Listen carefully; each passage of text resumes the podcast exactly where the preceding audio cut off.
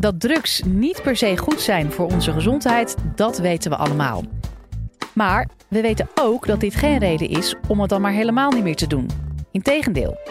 Maar hoe zorg je nou voor een juiste aanpak? En hoe wijs je gebruikers op de risico's zonder met een belerend vingertje te zwaaien? De psycholoog Gjalt Jorn Peters van de Open Universiteit weet hoe het zit. Live vanuit Club Air is dit de Universiteit van Nederland. Bijna iedereen gebruikt wel eens drugs. En met drugs bedoel ik dan alle psychoactieve middelen. Dus middelen die je kunt nemen om je psychologie, om je bewustzijn een beetje te veranderen. Um, mensen nemen die voor allerlei verschillende redenen. En die redenen hangen samen met de actieve stoffen in middelen. In alcohol zit alcohol, in koffie en thee zit cafeïne. In uh, tabak, sigaretten of pijpen zit um, nicotine. In joints zit THC. En in uh, ecstasy bijvoorbeeld zit MDMA. Die hebben allemaal verschillende effecten en dat hangt samen met wanneer je het gebruikt. Omdat je allemaal verschillende, van, verschillende redenen hebt en om allerlei andere redenen, zijn niet alle middelen sociaal acceptabel. Neem bijvoorbeeld cocaïne. Cocaïne is nu sociaal niet meer acceptabel. Dat zou je niet, de meeste mensen zouden dat niet hier nu, tenminste niet nu, misschien wel zaterdagavond, maar niet nu zomaar gebruiken. Um, maar vroeger was dat heel anders. Vroeger werd cocaïne aangeraden voor kinderen bijvoorbeeld. Om, uh, als ze last hadden van hun tanden, dan kon je ze dat geven en dat kon je kopen. En dat kon je bij druggists everywhere kon je dat kopen. Nederland was een tijdje marktleider in de productie van cocaïne. Dat werd toen op Java, groeiden we dat. En hier in Amsterdam had je de Nederlandse cocaïnefabriek en daar werd dat geproduceerd. Dat was in 1920 ongeveer, dat was heel lang geleden. Dat is nu heel anders. Nu zouden we er niet meer aan kunnen denken. Met sigaretten is dat misschien vergelijkbaar. Vroeger werden, werd tabak, sigaretten, werden aangeprezen door artsen omdat het zo ontzettend gezond was. Omdat het goed voor je keel was, hoeft je niet zo te hoesten. Fantastisch, dat moest iedereen gebruiken. Sigaretten zijn nu ook al op hun retour. Dus dat is nu ook al veel minder populair. En misschien over 30, 40 jaar zien we dat een beetje hetzelfde als cocaïne nu. Er zijn dus allemaal verschillende redenen waarom mensen middelen gebruiken. Maar er hangen ook allemaal risico's aan middelengebruik. De Britse wetenschapper David Nutt heeft die op een rijtje gezet. Um, en daar heeft hij in kaart gebracht hoe schadelijk middelen zijn voor de gebruiker zelf en voor mensen, andere mensen dan de gebruiker zelf. En dan zie je dat alcohol bijvoorbeeld heel erg schadelijk is, gevolgd door bijvoorbeeld heroïne en methamfetamine, wat gelukkig bijna niet gebruikt wordt in Nederland. Dat hoeft ook niet, omdat wij bijna alle MDMA al produceren, dus we hebben goede andere drugs. Je ziet dat, um, dat is wel een van de theorieën, serieus waarom het niet zo populair is hier. Uh, cannabis zit ongeveer halverwege en middelen zoals LSD en ecstasy die zitten de bungelen een beetje achteraan. En omdat middelen ook risico's met zich meebrengen, willen wij die als maatschappij die risico's terugbrengen. Bijvoorbeeld omdat het uh, te veel gezondheidskosten met zich meebrengt en je kunt elke euro maar één keer uitgeven. Of simpelweg omdat als mensen beschadigd raken, als, als middelen ongezond zijn en ze hebben gezondheidsschade, dan is het welzijn lager en wij willen dat onze burgers gelukkig zijn. Dus of je nou links of rechts staat, of je nou geld wil besparen of mensen gelukkig wil maken, de politiek en wij als maatschappij willen meestal die schade terugbrengen. En dat doen we dan vaak met preventie. En die preventie, dat is precies wat ik bestudeer als psycholoog gespecialiseerd in gedragsverandering. Um, dat is interessant, want het is vaak minder makkelijk dan je zou denken. Dus nog een voorbeeld. Um, koffie stond net niet in de lijst van David Nutt. En dat komt omdat koffie gezond is. Niet iedereen weet dat, de meeste mensen niet. Maar niet alle koffie is gezond. Er zit in koffie zit een stofje, cafestol, dat zit in de rand van die bonen, zeg maar. En het wordt uitgefilterd door papier. Dus filterkoffie is gezond, dat kun je zoveel drinken als je wil. Nespresso of espresso is niet gezond. Wie hier gaat daar nu onmiddellijk mee stoppen en switchen naar filterkoffie, nu je dit weet? Oké, dat is niemand. We weten nou dus dat als je tegen mensen zegt dat iets misschien niet zo goed voor ze is, dat dat kennelijk niet zorgt dat ze het niet meer gaan doen. Nou, dat klinkt op zich wel intuïtief, dat klinkt wel logisch als je zo over nadenkt, maar heel veel preventie is daar niet op gebaseerd. Als je bijvoorbeeld kijkt naar de afbeeldingen die wij op plaatjes sigaretten hebben, die zijn heel erg gebaseerd op het idee dat als je mensen maar overtuigt dat roken heel erg slecht voor ze is, dat ze dan allemaal gaan stoppen. Of dat als ze zouden weten hoe slecht het was, dat ze niet zouden beginnen. En als je mensen vraagt, gewoon gebruikers van een middel bijvoorbeeld, of mensen die het nog niet gebruiken, en je vraagt, wat moeten we eigenlijk doen om te zorgen dat jullie stoppen? Dan zegt iedereen ook altijd van, ja, je moet ons bang maken, je moet mensen echt confronteren. En dat moet emotioneel en hard zijn, want er is zoveel geweld op tv, dat je ze echt raakt. En als je ze echt raakt, dan stoppen ze wel. Nou, dat werkt dus niet zo, jammer genoeg. Maar waarom werkt dat precies niet zo? Daar is een schema, een model voor in de psychologie. Het Extended Parallel Process Model. En dat model stelt dat als je mensen confronteert met een dreiging, dan gaan ze nadenken over of die dreiging wel ernstig is. en of ze zelf wel risico lopen om last te krijgen van dat risico. Als ze daar eenmaal van overtuigd zijn, dus er is een ernstige dreiging en zij zijn kwetsbaar voor die dreiging, dan worden ze bang en dan zijn ze zich bewust van een, van een dreiging, van een angst en dan willen ze er wat aan doen. Dus dan gaan ze kijken, wat kan ik allemaal doen? En kan ik dat wel? Dat noemen we de waargenomen effectiviteit. Eigen effectiviteit is of je een gedrag uit kan voeren. Als dan de conclusie is dat je dat niet kunt, dat je dus niet in staat bent om iets te doen aan dat gedrag, zit je nog steeds met die angst, met die onprettige gevoelens. En daar wil je dan wel wat mee doen. Dus dan hebben we allerlei processen, defensieve reacties, om te zorgen dat je daar geen last meer van hebt. Dat je bijvoorbeeld gaat nadenken over je opa, die 92 is en elke dag vier pakjes sigaretten rookt. Of dat je zoveel sport. Of dat je gisteren nog een strong broccoli hebt gegeten. Dus het zijn allemaal manieren die wij hebben om te zorgen dat je niet zo'n last hebt van zo'n dreiging als je niks aan die dreiging kunt doen. Als je wel tot de conclusie komt dat je wat kunt doen, dan ga je je gedrag veranderen. Want dan kun je je gedrag ook veranderen. Heel vaak, als je een preventiecampagne over een bepaald gedrag hebt, bijvoorbeeld middelengebruik, dan zijn dat natuurlijk gedragingen die niet zo makkelijk te veranderen zijn. Want als het heel makkelijk zou zijn, dan leg je mensen een paar keer uit waarom dat goed is en dan doen ze dat wel. Dus bijna altijd als er een preventiecampagne nodig is, weet je dus dat mensen bang maken niet zo'n verstandig idee is. Dit soort campagnes, waarbij um, mensen heel erg bang worden gemaakt, worden vooral vaak gebruikt als er een abstinentiebeleid gebruikt wordt. Een abstinentiebeleid is een naam voor het beleid bij bijvoorbeeld middelengebruik of bij seksuele voorlichting, waar de nadruk wordt gelegd op dat het gewoon niet moet. In Amerika bijvoorbeeld is heel lang het enige, de enige boodschap geweest: je mag geen seks hebben voor het huwelijk, punt. Dus daar werd niet uitgelegd hoe een condoom werkt. Je had niet van die ongemakkelijke lessen met een banaan bij biologieles. Um, en bij drugs wordt een beetje hetzelfde gedaan. Er wordt gewoon uitgelegd dat je dat gewoon niet moet doen. Abstinentiebeleid is niet super effectief. Je ziet in Amerika bijvoorbeeld dat van, de, van, de, van alle zwangerschappen, dus alle vrouwen die bevallen, is ongeveer 10% uh, eh, jonger dan 20. En in Nederland is dat maar ongeveer 1,4%. Omdat wij mensen uitleggen dat condooms toch wel handig zijn. Bij cannabis is het een beetje hetzelfde. In Amerika is er een heel sterk abstinentiebeleid. Er wordt alleen maar gezegd dat je het niet mag gebruiken. Hier kun je het kopen in de coffeeshop. En hier gebruikt 8% ongeveer per jaar van de bevolking en in Amerika ongeveer 16%. Het heeft niet alleen invloed op gebruik, maar ook op gevolgen. Het kan echt schadelijk zijn, zo'n sterk abstinentiebeleid. In Amerika zijn er veel meer doden per miljoen inwoners door middelengebruik, gerelateerd aan middelengebruik, dan bijvoorbeeld in Nederland, die ongeveer halverwege uh, bungelt. Dus het probleem van abstinentiebeleid is dat je je, uh, je doelgroep een beetje vervreemdt. Je kunt niet meer goed communiceren met je doelgroep. Je bent als overheid geen betrouwbare partij meer. Dus je creëert een grote kloof, waardoor je eigenlijk minder goed aan preventie kunt doen. Portugal doet het heel erg goed, zoals je hier ziet. Die staat helemaal bovenaan, die hebben bijna geen drugsdoden. Portugal heeft in 2012 hun, uh, heeft, hebben ze alle middelen gedecriminaliseerd. Dus het is niet langer illegaal daar om middelen te gebruiken.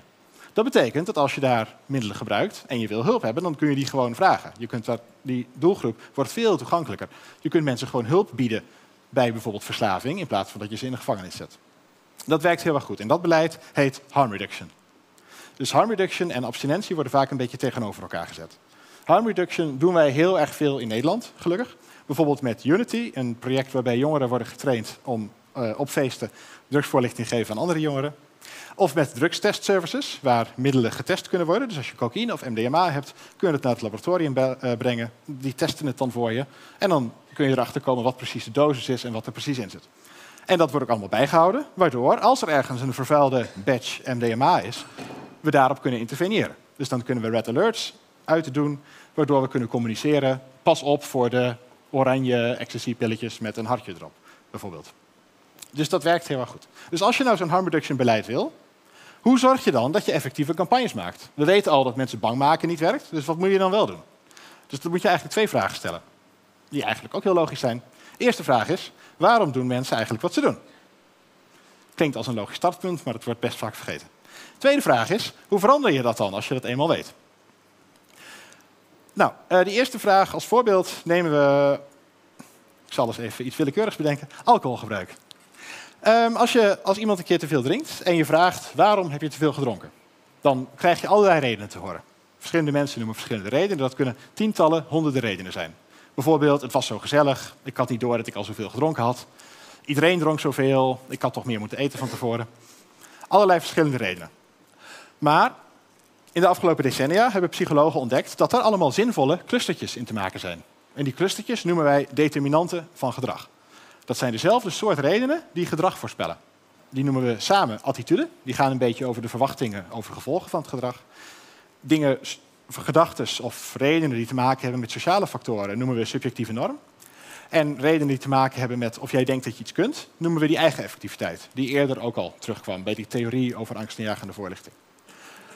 En psychologische theorieën zeggen dan vervolgens hoe die determinanten van gedrag samenhangen met gedrag. Dus deze theorie stelt dat die drie determinanten, die voorspellen samen de intentie van mensen om dat gedrag uit te voeren. Dat is een theorie die alleen maar gaat over gepland gedrag. En die voorspelt dan uiteindelijk het gedrag van mensen.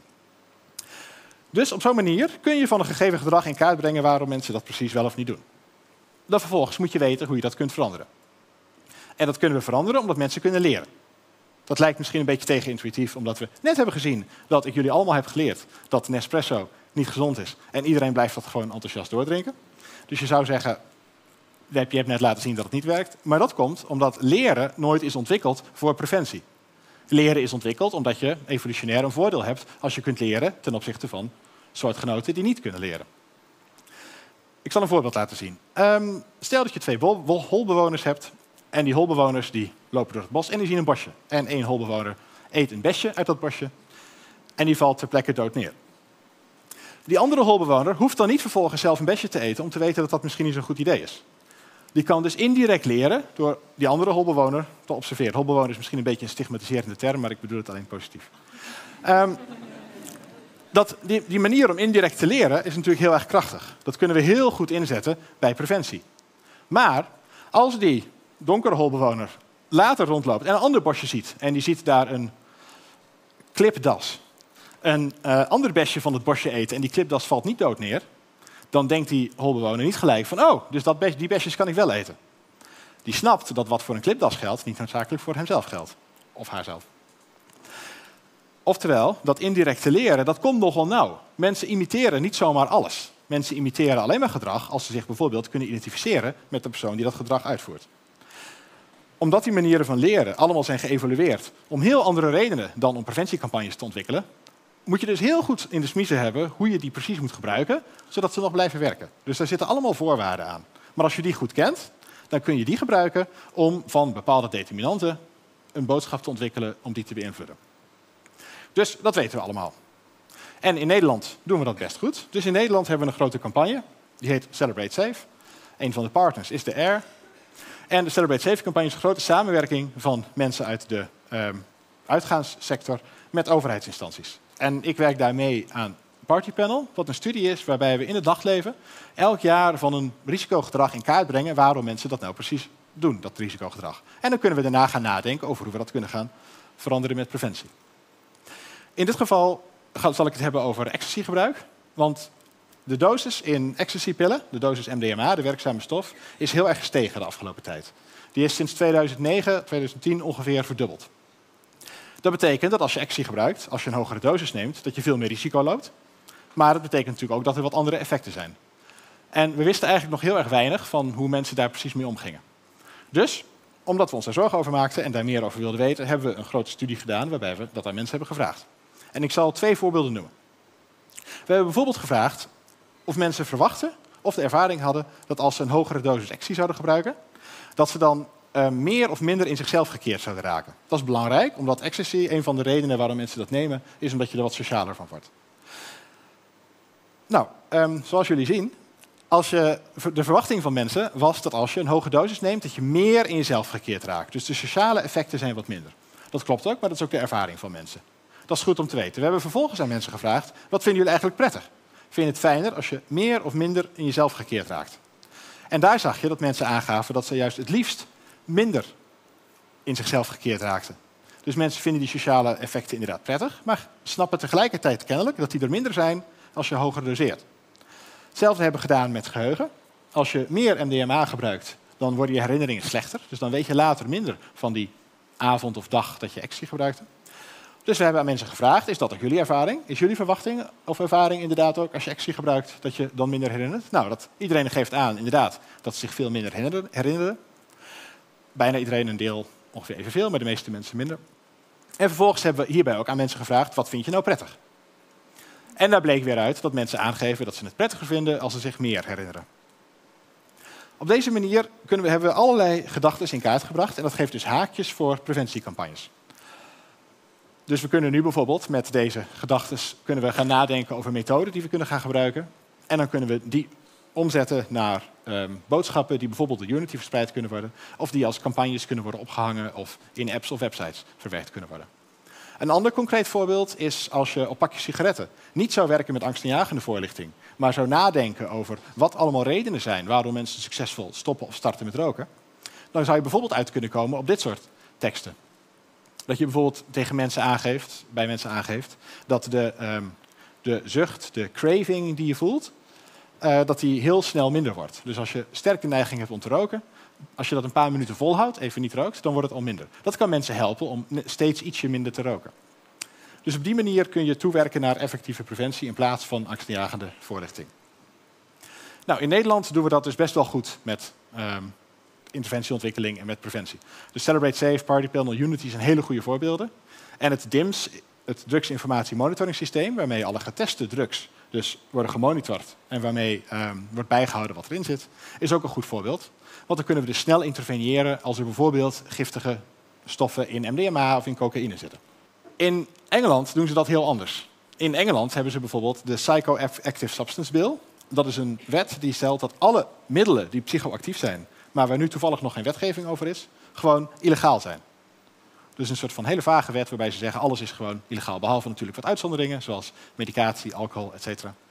Dat betekent dat het harm reduction beleid wat wij hier hebben, en wat je misschien meer zou willen hebben, niet altijd heel populair is internationaal. Wetgeving in landen met betrekking tot middelengebruik en beleid in landen wordt niet altijd gebaseerd op wat nu het beste is voor mensen of het beste de schade beperkt, maar soms op idealisme. Bijvoorbeeld het idealistische uitgangspunt dat drugs gewoon slecht zijn, punt. En dan ga je niet meer luisteren naar de gebruikers en dan is schade beperken, ook al betekent dat dat mensen misschien nog blijven gebruiken, is dan geen optie meer voor sommige landen. Dus om terug te komen op de oorspronkelijke vraag, mensen bang maken werkt dus niet goed. Omdat als je mensen bang maakt, ehm, dan stijgt hun angst misschien tijdelijk. En dan stijgt hun risicoperceptie misschien tijdelijk. Maar dat zijn geen belangrijke voorspellers van gedrag. En ook al stijgen die, omdat mensen vaak niet overtuigd zijn dat ze hun gedrag makkelijk kunnen veranderen, gaan ze hun gedrag ook niet veranderen. Dus wat je wel moet doen, wat we in Nederland steeds meer doen, is aan mensen vragen waarom ze eigenlijk doen wat ze doen, zodat je dat goed begrijpt. En dan kun je daarna na gaan denken hoe wij met methoden voor gedragsverandering dat kunnen veranderen zodat ze hun gedrag veranderen. Dankjewel. Wil je nou nog meer afleveringen van de Universiteit van Nederland horen? Bijvoorbeeld over de vragen waarom zoveel millennials kampen met een burn-out? Of hoe je een oogbal kunt bioprinten? Check dan de hele playlist.